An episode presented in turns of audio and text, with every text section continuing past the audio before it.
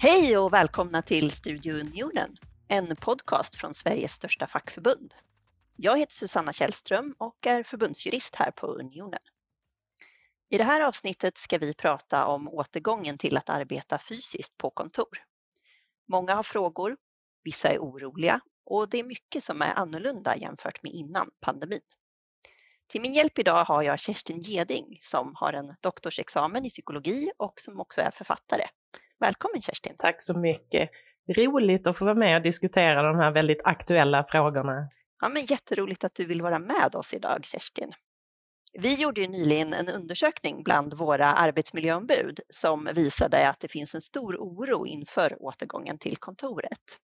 Eh, det här är också någonting som medlemmar hör av sig till oss om ganska frekvent. Ja, det är ju en aktuell fråga för många av oss, vare sig vi har jobbat inne eller vi ska återgå till att jobba inne men med fler kollegor på eh, bussar och tåg och på lunchrestauranger och allting. Ja, ja, men så är det ju verkligen och eh, därför så har vi valt ut några vanliga frågor som kommer in till oss och som jag tänkte att vi kunde försöka besvara här idag i den här podcasten.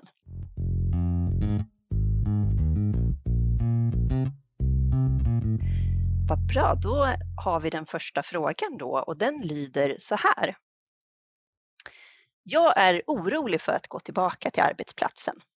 Dels för att jag är rädd för att bli smittad.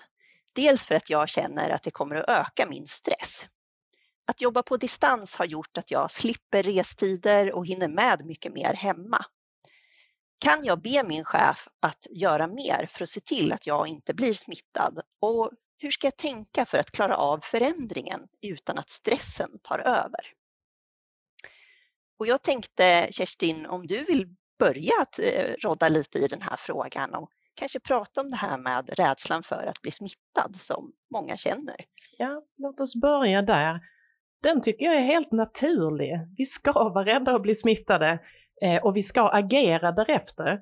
Däremot så ska det ju då vara den här funktionella oron, den som gör att jag följer Folkhälsomyndighetens rekommendationer, som ju nästan helt försvinner här nästa vecka. Efter det har jag bara kvar att vara vaksam på mina symptom och hålla mig hemma om jag har symptom som skulle kunna tyda på en covid-smitta. Eh, och då kommer det istället att bli en jättestor omställning att börja lita på att kliva ute bland massor med folk och ta på ytor andra har tagit på och inte hela tiden handsprita eller bli orolig och så utan hitta vad är, vad är det normala läget egentligen som vi ska återgå till och som vi kan återgå till enligt då våra expertmyndigheter och läkarna och alla som har åsikter eller fakta, hoppas jag, kring det. Eh, att kunna välja, vad, är min, vad tycker jag är normalt? Vad är det för, utsätter jag mig för risk om jag åker en full buss till exempel? Eller är det normalt? Jag gjorde det före pandemin. Och att försöka hitta tillbaka och tänka ut mitt normalläge som jag vill komma tillbaka till. Och så räkna med att det kommer att kosta mig lite oro medan jag vänjer mig vid det nya normalläget. Och att fundera över då, vad är det jag själv kan göra? Ja, jag kan hålla handhygienen lite bättre och jag kan hålla lite avstånd så gott det går. Jag kan kanske välja någon annorlunda pendlingsväg om jag vill det. Eh, men på något sätt så har ju samhället funkat ganska länge med både bussar och tunnelbanor med mycket folk på eh, och vi har klarat det bra. Så är vi, särskilt när vi är vaccinerade, så är ju allmänna åsikter nu att det ska funka bra för oss. Och då är det att liksom hjälpa sig själv att vänja sig vid att det är okej. Okay. Just det, och det kan ju vara en viss övergångsperiod och jag tror att många kan känna igen sig i det här ja. att, eh, att man nästan har eh, blivit lite folkskygg om man får använda det begreppet. Eh, man är ovan. Ja, jag håller med. Ja, man är ovan och man har lärt sig att backa när det kommer mycket folk istället för vad gjorde vi innan, kasta oss om halsen på varandra, vissa av oss, men drog oss inte för att trycka oss in på en trång buss eller en trångt dansgolv eller en trång kö till fotbollen eller vad den var för någonting. Och att inte vara rädd, att välja, vill jag vara rädd för det resten av livet eller är jag på ett läge nu där jag litar på eh, de åtgärder jag själv har tagit, vare sig jag då har vaccinerat mig som är Folkhälsomyndighetens nummer ett rekommendation för att undvika att få farlig smitta, Eh, eller om det är då att jag kämpar för med de andra faktorerna, lite distans, lite handhygien och så vidare. Just det. Och sen har man ju också, menar, utöver de här egna åtgärderna som man kan vidta, eh, så har man ju också ett antal skyldigheter som arbetsgivare att trygga ja. arbetsmiljön för dig som arbetstagare. Eh, det följer ju av arbetsmiljölagen att arbetsgivaren ska vidta alla åtgärder som kan vidtas för att förebygga att arbetstagaren utsätts för antingen olycksfall eller ohälsa. I det här ligger ju att arbetsgivaren ska riskbedöma och sen också anpassa arbetsplatsen efter människors olika behov. Eh, och de behoven kan ju vara både på det fysiska planet men också på det psykiska planet. Och där i ryms ju bland annat då om man känner en stor oro för smitta, att arbetsgivaren ska ta hänsyn till det och ha med den oron i sina riskbedömningar. Eh, och den här riskbedömningen, den rekommenderar ju vi från unionens sida att arbetsgivaren bör göra med stöd av företagshälsovården och i samarbete med skyddsombud. Eh, och arbetsgivaren ska ju då identifiera risker och om man sedan har identifierat risker för, i det här fallet, eh, smitta som vi pratar om här när det gäller covid, eh, så ska ju arbetsgivaren vidta åtgärder. Eh, I första hand för att försöka eliminera riskerna och om det inte går, i andra hand begränsa eller skydda arbetstagarna.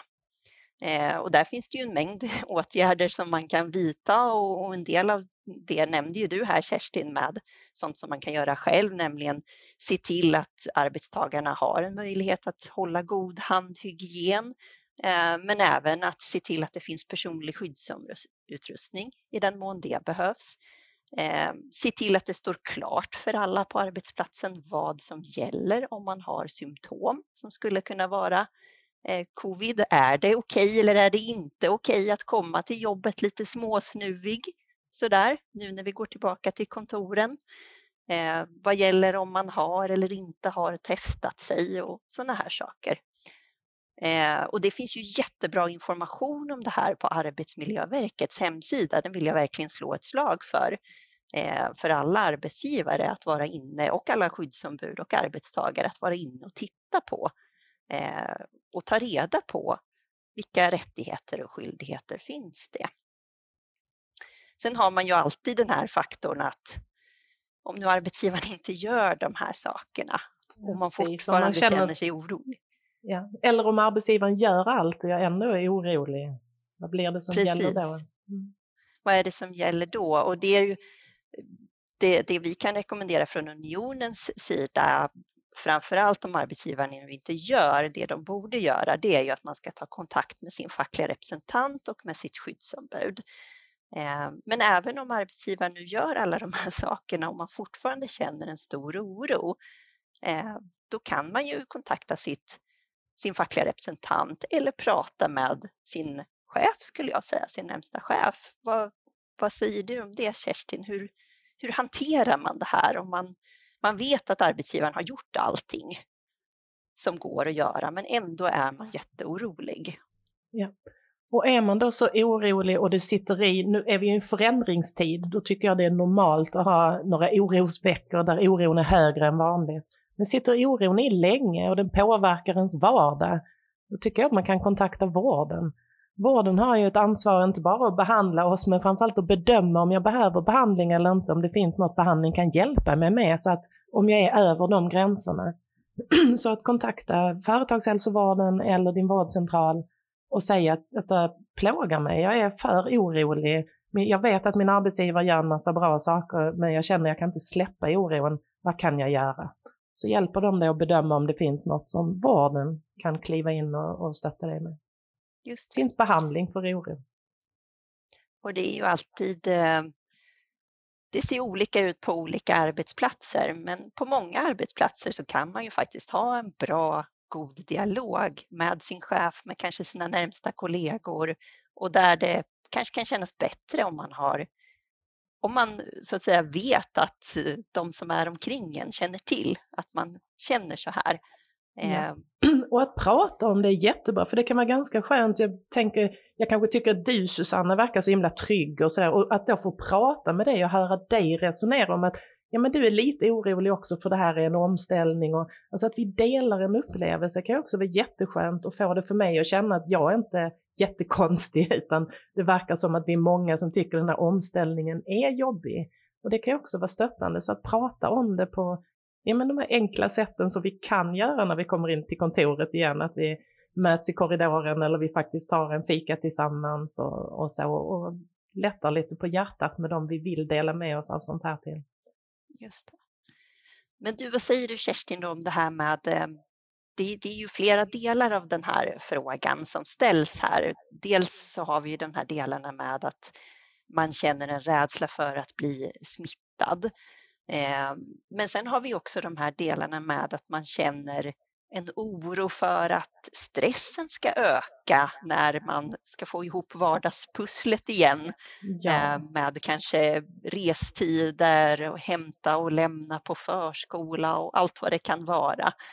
Hur, eh, hur kan man tänka här och för att klara den här förändringen och förhålla sig till att jag tänker först och främst att igen var lite schysst mot dig själv och det djur du faktiskt är. Vi är djurart trots allt och vi gillar inte förändring som i snitt. Vissa av oss älskar när det händer grejer hela tiden men den här typen av förändring kostar de flesta av oss lite grann. Jag menar jämför med varje år när man haft sommarsemester, kanske några veckor i sträck och ska tillbaka till kontoret. Det är en omställning som de flesta tycker är jobbig och tycker att åh, att det sitter i flera veckor den omställningen. Och nu gör många av oss det efter att ha varit hemma ett och ett halvt år och jobbat. Eh, och helt plötsligt ska pendla och vara bland folk och hålla tider på ett annat sätt och så vidare. Så det är ju de sakerna vi tycker är jobbigt med det. Vi får ju också lite saker tillbaka som vi då har saknat när vi var hemma. Den här strukturen på dagen.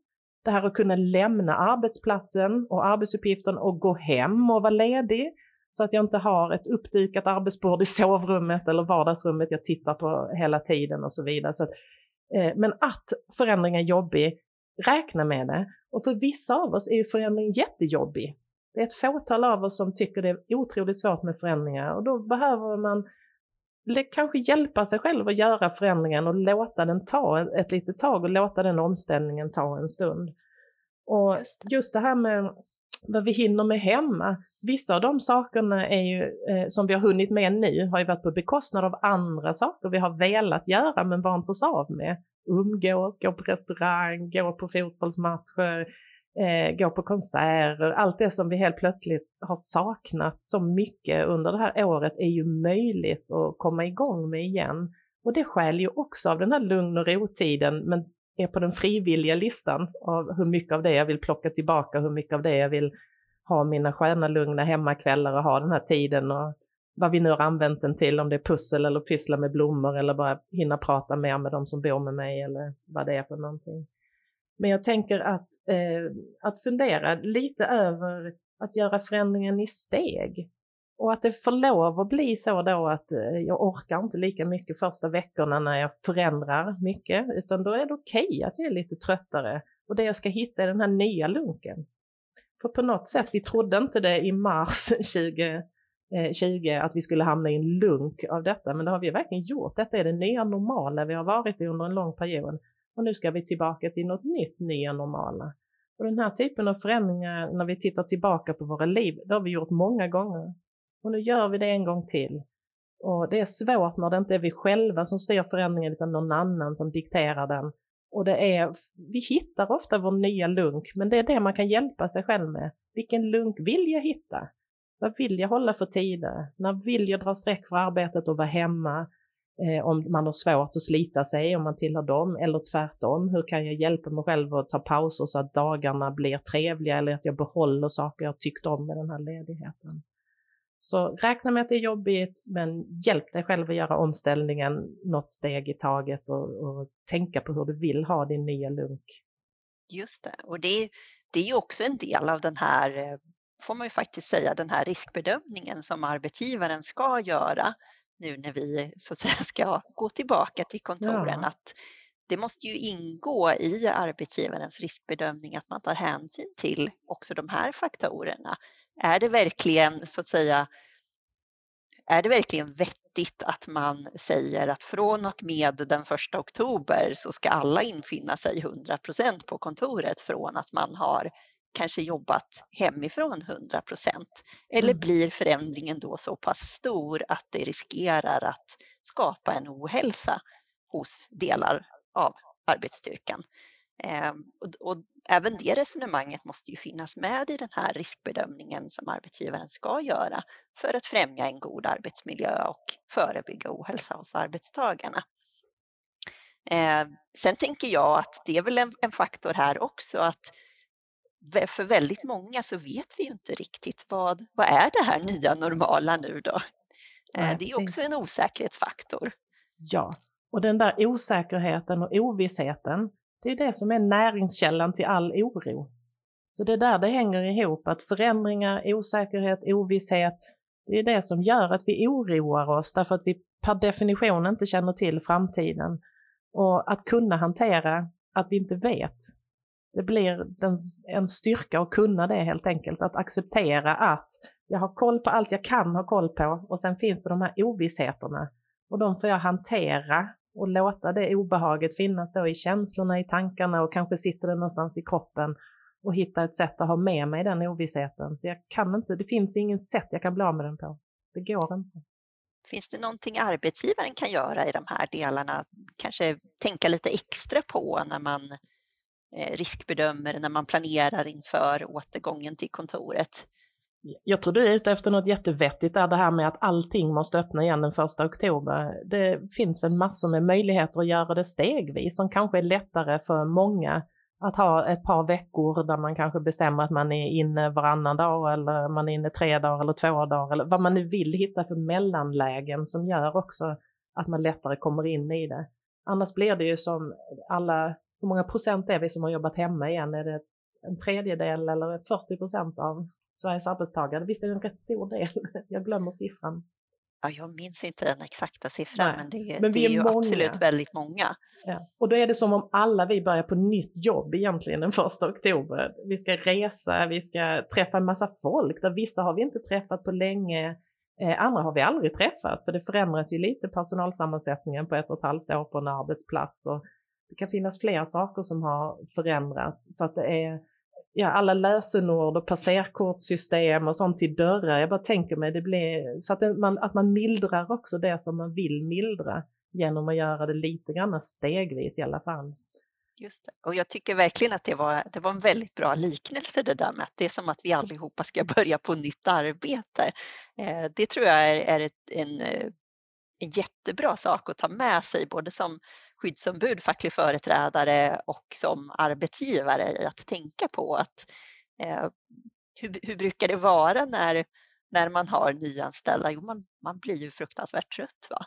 Ja. Här det är början. nytt och det är osäkert och eh, man vill gärna göra gott intryck på andra människor. Alltså det är så många saker i en sån situation som vi nu får, många av oss får i den här situationen.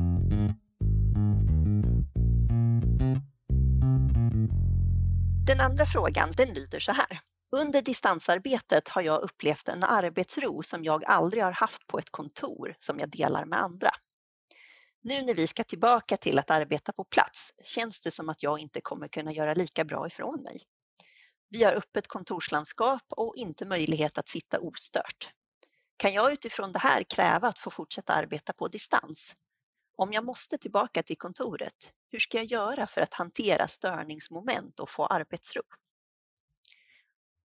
Och till att börja med här nu då, om man ställer sig frågan, kan man kräva att få arbeta på distans? Nej, men det kan man ju inte. Eh, om, om man så att säga i sitt anställningsavtal sedan tidigare har att arbetsplatsen är på kontoret, då är det ju det som som är utgångspunkten och det är arbetsgivaren som leder och fördelar arbetet och i det, i det ligger att det är arbetsgivaren som till syvende och sist så att säga, bestämmer var arbetet ska utföras. Ehm, så nej, man kan inte kräva att få arbeta på distans om arbetsgivaren har en annan åsikt.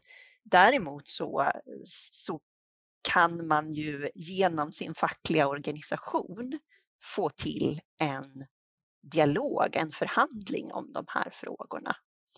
eh, där man eh, där unionens rekommendation är och min rekommendation är att det bästa, det bästa för alla inblandade parter, både arbetsgivare och arbetstagare, ju ändå måste vara att man har en respektfull och öppen dialog kring fördelar, nackdelar med Eh, att arbeta hemifrån versus att arbeta på kontoret. Eh, och där arbetsgivaren inom ramen för de förhandlingarna bör redogöra för sina argument. Varför arbetsgivaren så att säga anser att det inte fungerar lika bra med hemarbete då som att arbeta på kontoret. Varför arbetsgivaren kanske lägger fram förslaget att man ska arbeta på kontoret vissa dagar i veckan och vissa dagar hemifrån. Ehm, varför man inte vill tillåta vissa möten digitalt, alla sådana saker. Och likaså så ska man ju då från arbetstagarhåll och genom sin fackliga organisation argumentera för och lägga fram sina ståndpunkter och argument. Ehm, och förhoppningen inom ramen för sådana här förhandlingar och dialog, det är ju alltid att man ska kunna lyssna på varandra, kompromissa, komma fram till någonting som fungerar för båda parter och där man kanske inte är 100% nöjd från arbetstagarnas sida, men inte heller kanske helt och hållet 100% nöjd från arbetsgivarens sida då, utan att man hittar någonting som kan fungera på ett bra vis och där man ändå så att säga eh, från arbetsgivarens håll då kan få den arbetsprestation som man Eh, vill ha och som man ju också har rätt att så att säga kräva som arbetsgivare att få. Men där man det, det är också en faktor i det här att man kanske riskerar att bli en oattraktiv arbetsgivare om man bara tvärt av säger nej. Vi tänker inte diskutera det här. Ehm, vad, vad, säger du om det Kerstin? Ja, jag tänker, dels är det ju en arbetsgivare vill ju vara attraktiv och jag tänker också att både i den förra frågan och i denna frågan finns det två goda argument för att en arbetsgivare ska vilja stötta arbetstagare som trivs med att jobba hemma, åtminstone få göra det på någon deltid.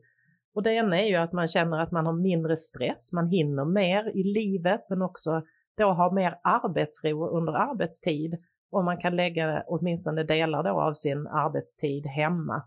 Så jag tänker det här med arbetsro är ju en faktor som har varit jättestor för vissa att upptäcka då vad mycket man kan få gjort när det är mycket färre störningsmoment hemma.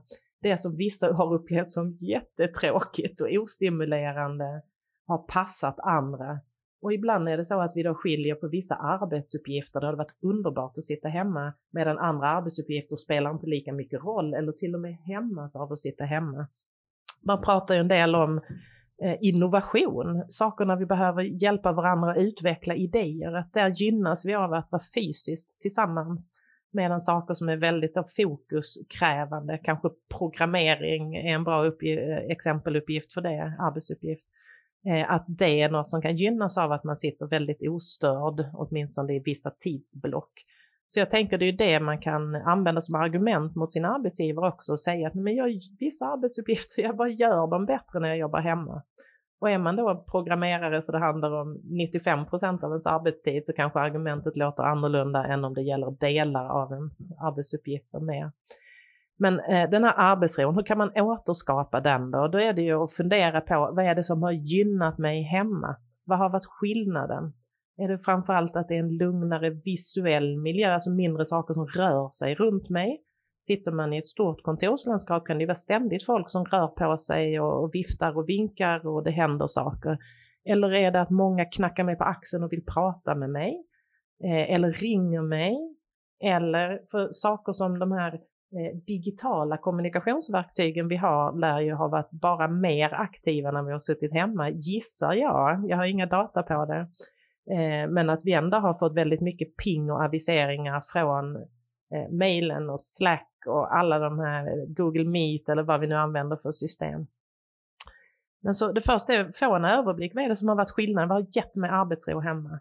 Och så försök att återskapa så mycket du kan av det på din arbetsplats. Har det varit att du har trivts, att, då, att det där visuellt har varit väldigt störigt för dig när det händer saker runt dig, då kanske du inte Eh, om din arbetsgivare då tycker det är för svårt att ge dig ett eget kontor, för det går alltid att, för, att fråga om och ha en dialog kring att få ändra sin fysiska arbetsplats också. Men jag tänker kanske du sitter bäst i den ena änden av rummet eller att du får vända ditt skrivbord in mot väggen eller du vet vad som helst som skulle kunna funka. Var, liksom, leta problemlösningar och låt dig själv brainstorma. Då får man lov att komma på dumma lösningar som att sitta i ett hörn och sen så jobba med, med dem tills man hittar något bättre som man kan tänka sig på riktigt. Men verkligen så här, tänka vad är det som skulle kunna hjälpa mig? Är det att många stör dig så kanske du behöver visa tydliga signaler på när du är mer tillgänglig och när du jobbar jättefokuserat. Det kan vara allt ifrån, igen då på den här brainstormingsteorin, att man får hitta på tokiga idéer också, men du kanske vill ha en flagga på skrivbordet där det står nu sitter jag och fokuserar, stör mig inte, till att du tar på dig hörlurar, vare sig du då har musik på eller något annat ljud på eller de, det är bara tyst, det är bara en signal om att du sitter fokuserad med någonting eller vad du kan själv hitta på för idéer att eh, välja ifrån, vad du skulle kunna göra. Och det andra är också att värna dina arbetsuppgifter där du behöver mest arbetsro. För det kan vara, för många av oss så har vi arbetsuppgifter, vissa är lätta att gå in i och ut ur och andra är väldigt arbetsminnekrävande och vi vill ha avgränsad eh, tid för dem. Och gör det då en sån här fokuserad arbetschunk, en en period där du är, där du har stängt av aviseringar, telefonen är inte på, du har alla signaler uppe på att du jobbar fokuserat eller du har gått och gömt dig om det går på ditt kontor då i ett tomt konferensrum med just den arbetsuppgiften. Och så får du då en eller hur lång tid du kanske behöver varje dag med just den arbetsuppgiften där du har lite tid som är värnad eh, från det. Så även om vi då behöver göra det i dessa öppna kontorslandskap med sina fördelar och nackdelar så går det att hitta sätt att i alla fall få till det så att det kanske funkar. Vad tror du Susanna, är det något av det som kan vara hjälpsamt? Jag tror att det är, det är jättebra tips och jag tror, eller min förhoppning är ju att om, om man nu ska försöka, om det nu ska försöka komma någonting gott ur den här pandemin som ju annars mestadels är ond, eller vad man ska använda för begrepp, så, så är det väl en förhoppning att det kanske ska kunna leda till att det tas en större hänsyn framöver till att vi faktiskt är olika. Eh, att det finns möjligheter att eh, diskutera på en arbetsplats. Ja, men hur gör vi nu då om, om vi har ett antal individer som har ett stort behov av att inte bli störda? Och så har vi ett antal individer som tycker att jag jobbar absolut bäst om jag bara får gå och knacka kollegan på axeln och ställa en fråga när jag behöver det. Så här. Ja, men hur jämkar vi samman det här? Och jag tycker det är ett jättebra förslag det här med ja, men kan, man, kan man ha någon signal på sitt skrivbord om att nu är det inte okej att störa till exempel.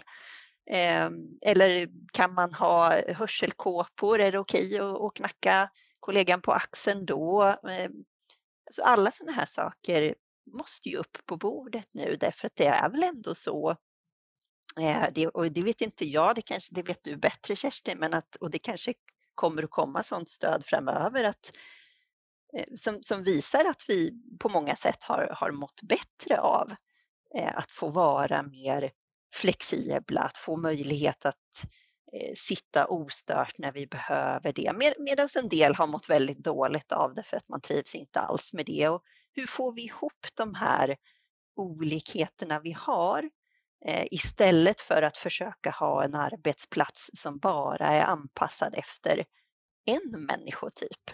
Det tycker jag är en jätteviktig poäng Susanna, det här att individanpassa, att vi inte alla är på ett sätt. Vissa av oss har älskat att sitta ensamma hemma i en lägenhet Andra har haft kanske till och med en bra dialog med sin arbetsgivare och fått lov att komma in därför att man har mått bättre av det. Eller så har man en hemmiljö som faktiskt inte ger någon arbetsro. Det kan ju vara det också. Så just att se till individuella behov. Eh, och jag tänker att till viss del handlar det också om tillit.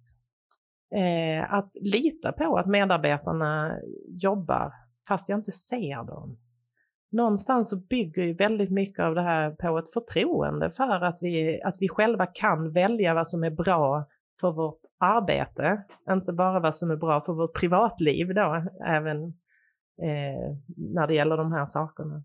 Men jag ser också fram emot var vi kommer att hamna. Jag tror att vi eh, omskapat arbetslivet lite snabbare med hjälp av den här pandemin. Ja, men det tror jag verkligen. Och jag, eh, min personliga åsikt är ju att det är ju för att vara en attraktiv arbetsgivare så, så måste man ju eh, ha som utgångspunkt att man litar på att ens personal de har faktiskt har valt att rekrytera kommer att utföra de arbetsuppgifter som åligger en eh, och att man som arbetstagare kan vara en del av diskussionen i ja, men hur funkar det bäst för mig att göra det. Ja. Och inte bara en attraktiv arbetsgivare utan faktiskt en som har god lönsamhet och som har, behåller sin personal och som har friskare personal. Så det ligger otroligt mycket i det här med tilliten på en arbetsplats. Det är en viktig faktor, organisationsfaktor. Absolut, och det, det ska faktiskt bli väldigt intressant tycker jag framöver att se vad som händer med till exempel sjuktal och sådana här saker om vi kan få till en arbetsmarknad där man har en större flexibilitet, har en större möjlighet att ta hänsyn till människors olika behov. Och tänk vilket drömscenario om man faktiskt kan få ner den stressrelaterade ohälsan kraftigt. Bara för att ja, vi skapar... Det är, det är en av mina drömmar kan jag säga. Jag har jobbat så mycket med att rehabilitera stressrelaterad ohälsa så min dröm nu är att förebygga den. Eh, och individmöjligheter tror jag är en del av det, men det ska väl till eh, lite mer saker också. Men absolut, hoppas vi är ett steg på den vägen. Det finns ju risken också med att vi börjar jobba mer när vi är sjuka därför att vi kan koppla upp oss hemifrån och tänker att jag orkar nog lite grann. Eller att vi vabbar och jobbar samtidigt. För att mina barn är sjuka så jag måste vara hemma men de blir då, får sitta framför tvn eller så och jag springer emellan mina viktiga möten. Så det finns något med det. Det är hela tiden den här eh, knivsäggen vi balanserar på. Vad är det? Kan, ramlar vi åt det positiva hållet eller ramlar vi åt det negativa hållet med möjligheterna som det ger?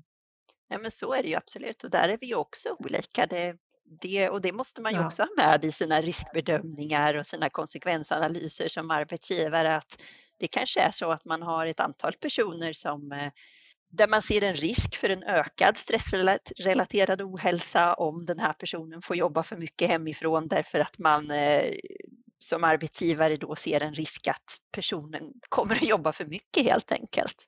Eh, Medan man för andra individer ser risker åt andra hållet och att man kanske måste inse att Eh, vi behöver ett arbetsliv där man är där man har lite mer fokus på varje enskild individs behov. Men naturligtvis inom, inom rimliga ramar. Så. Precis. Och vad som är rimligt är väl det vi kommer att pröva oss fram till de närmsta åren. Vad tycker vi gränserna går för det? Så spännande.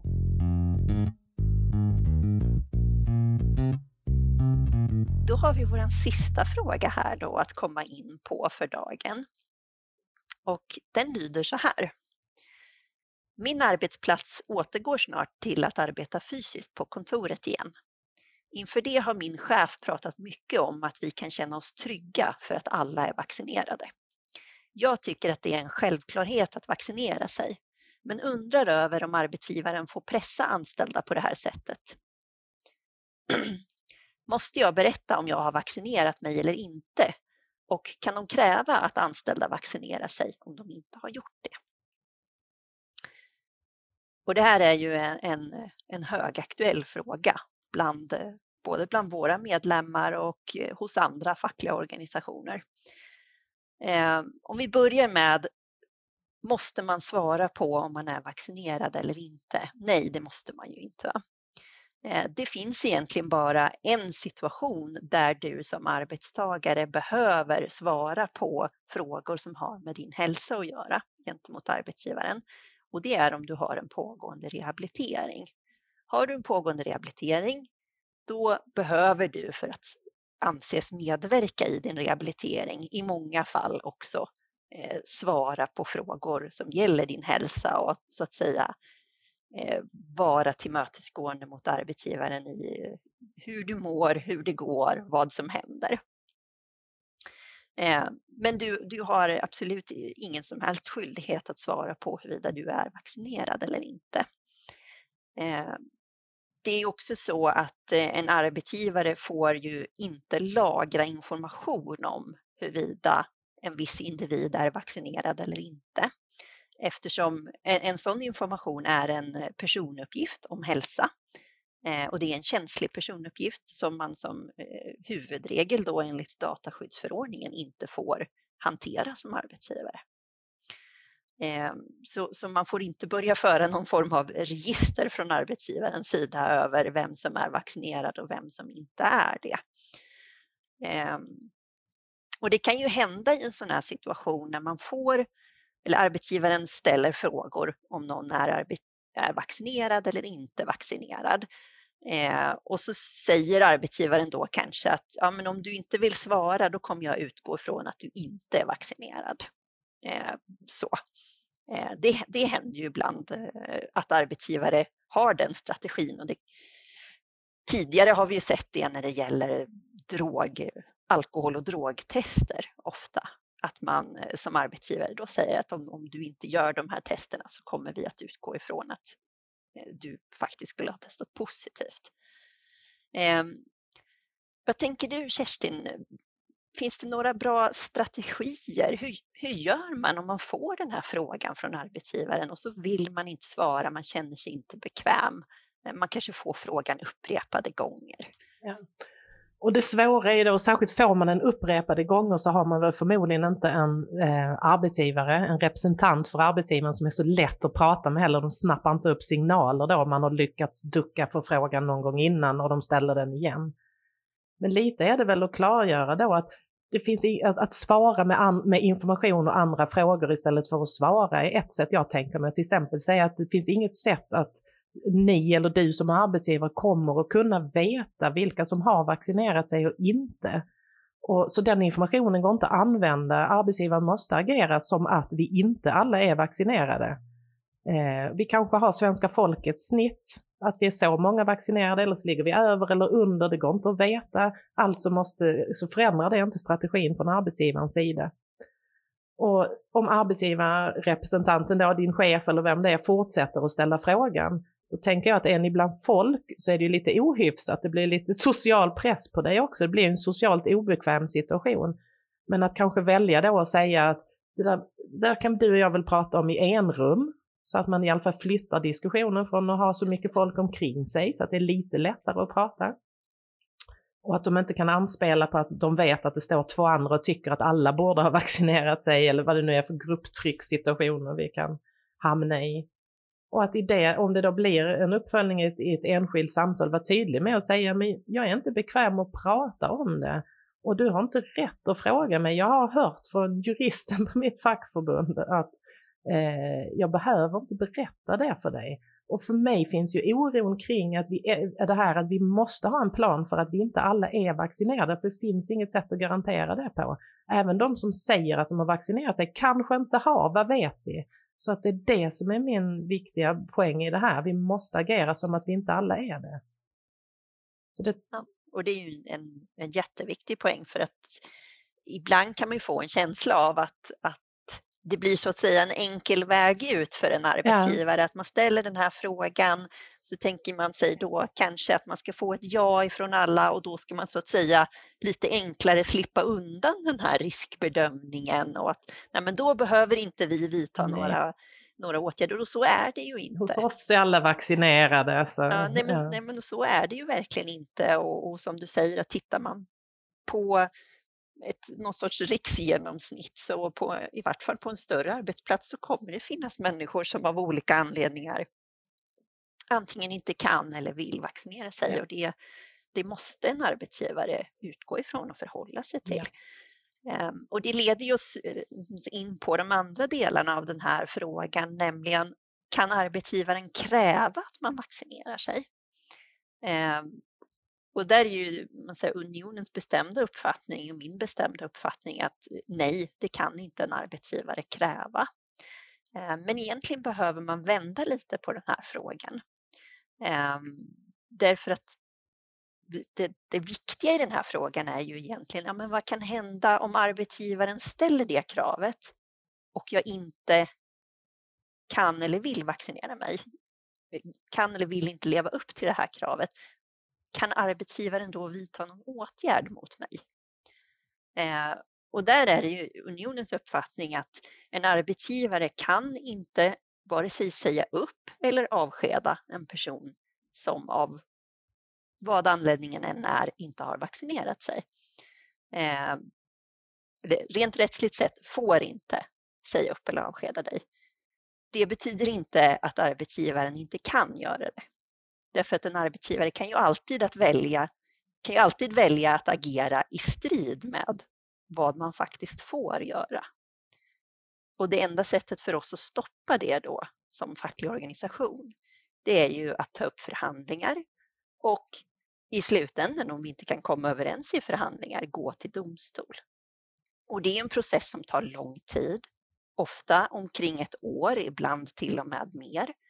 Eh, och det är också en process som kan vara jobbig att gå igenom och det här är ju det här är någonting som har uppmärksammats från de fackliga organisationerna under en lång tid. Det är en, en viktig fråga för TCO, det är en jätteviktig fråga för unionen, nämligen att vi, vi saknar ju ett grundläggande integritetsskydd i Sverige och i svensk arbetsrättslig lagstiftning här. Därför att om du ställs inför en sån här situation så kan vi som facklig organisation säga nej men arbetsgivaren får inte göra så här. Eh, de får inte sätta upp det här kravet på dig, de får inte eh, säga upp eller avskeda dig om du av någon anledning inte kan eller vill vaccinera dig. Men till syvende och sist så är det du själv som måste riskera din anställning och riskera att behöva gå igenom den här rättsliga processen för att då slutligen längre fram i tiden få rätt. Eh, och det, det är ju en, en jättestor brist och det är synd att man så att säga ska behöva ta den vägen. Men det är tyvärr så det ser ut och det måste man vara medveten om då att även om man kanske rättsligt sett eh, sannolikt har rätt när man säger att jag behöver inte göra det här eh, så är det ett antal steg fram till att faktiskt sen också få rätt. Eh, och det är jätteviktigt att ha med sig och därför så är det ett jätteviktigt medskick i en, om man ställs inför en sån här situation. Eh, att arbetsgivaren säger att nu förväntar jag mig att du eh, går och tar de här sprutorna och annars så kommer jag att vidta den här åtgärden. Vi kommer att avsluta din anställning. Eh, då måste man ju direkt ta kontakt med sin fackliga representant Eh, för att få hjälp och rodda i det här och få hjälp i, ja men hur gör jag nu? Eh, kan vi få igång en dialog med arbetsgivaren innan arbetsgivaren agerar? Kan vi lugna ner känslorna i det här därför att det är ofta väldigt laddade känslor. Eh, det är ofta en väldigt konfliktfylld situation när man har kommit till att man ställs inför den här, eh, det här faktumet, eller man säger, från arbetsgivarens sida. Då. Eh, och man är väldigt utsatt som individ där och det, det är inte heller en enkel situation för arbetsgivaren. Det, det kan jag ha full förståelse för även som jurist på ett fackförbund. Att som arbetsgivare kan man ju vara under jättehård press från andra delar av arbetsgruppen. Man kanske har eh, arbetstagare som säger att jag tänker minsann inte komma till kontoret om du tillåter folk att komma dit som är ovaccinerade. Och så har man en, en liksom potentiell jättekonflikt att hantera. Eh, som, vad, vad, tänker du i de delarna Kerstin? Hur, hur gör man som arbetsgivare här? Ja, det är svårt och svårt när Eh, det är åsikter och känslor då det handlar så mycket om att hantera dem. Så det handlar det väl om, på samma sätt som allt annat som vi inte är överens om. Och faktiskt, vissa av de här sakerna måste vi inte vara överens om för att kunna jobba ihop. Men vi behöver ju då, och där är det ju tillbaka till de där riskbedömningarna som många tycker är lite omständliga, men hur ska vi hantera att blanda ovaccinerade och vaccinerade? Eh, och inte bara då upprörda och icke upprörda, utan, och då är det den klokskapen det måste bygga på, den sortens fakta och, och sans och så, det är ju vad arbetsgivarens roll i det hela är, inte att lägga sig i varken, sin, varken lägga sina åsikter eller lägga sig i arbetstagarnas åsikter. Eh, och så får ju vi som arbetstagare också välja vad vi ställer upp på och inte. Men har vi inte tillit till en arbetsgivare och vi har alternativ att gå till så kan vi ju visa våran åsikt där också genom att byta arbetsgivare. Men jag tänker att i, i huvudsak så är det ju en, eh, det är svårt att hantera för, eh, starka åsikter. Men då får man göra det på ett sakligt sätt. Och då är det ju riskanalyser och följa de råd och rön som finns. Och det här är ju en jätteviktig fråga och, och det är väl, man får ja. nästan säga att det är en, en käpphäst från unionens sida i det här att eh, när man ska eh, Eh, göra den här typen av bedömningar, ha den här typen av eh, resonemang, hantera den här typen av konflikt, ta hjälp av företagshälsovården eller annan medicinsk expertis, för det är ju ändå i grund och botten en medicinsk fråga.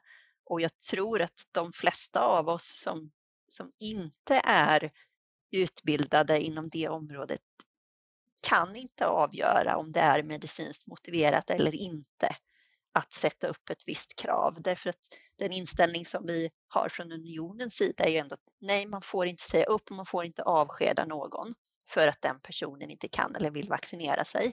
Eh, men däremot skulle det i ett ett väldigt begränsat antal situationer kunna vara så att man i vart fall tillfälligt får omplacera någon som inte är vaccinerad. Det kan till exempel handla om en tillfälligt ökad smittspridning på en viss ort. Eh, det kanske är så att man har många smittofall på just den här arbetsplatsen just nu.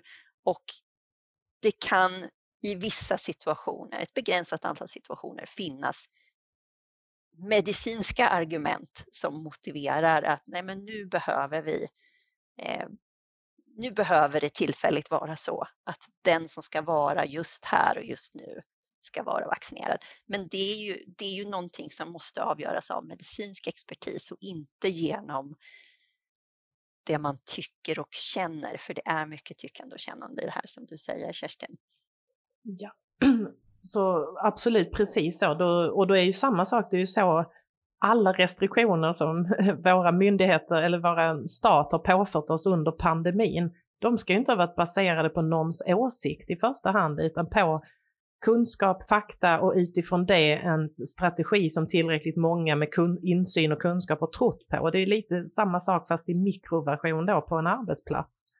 Det som vi behöver för att värna hälsan och ska det göras medicinska avvägningar, klart man behöver någon med medicinsk expertis med i det teamet som gör den avvägningen då.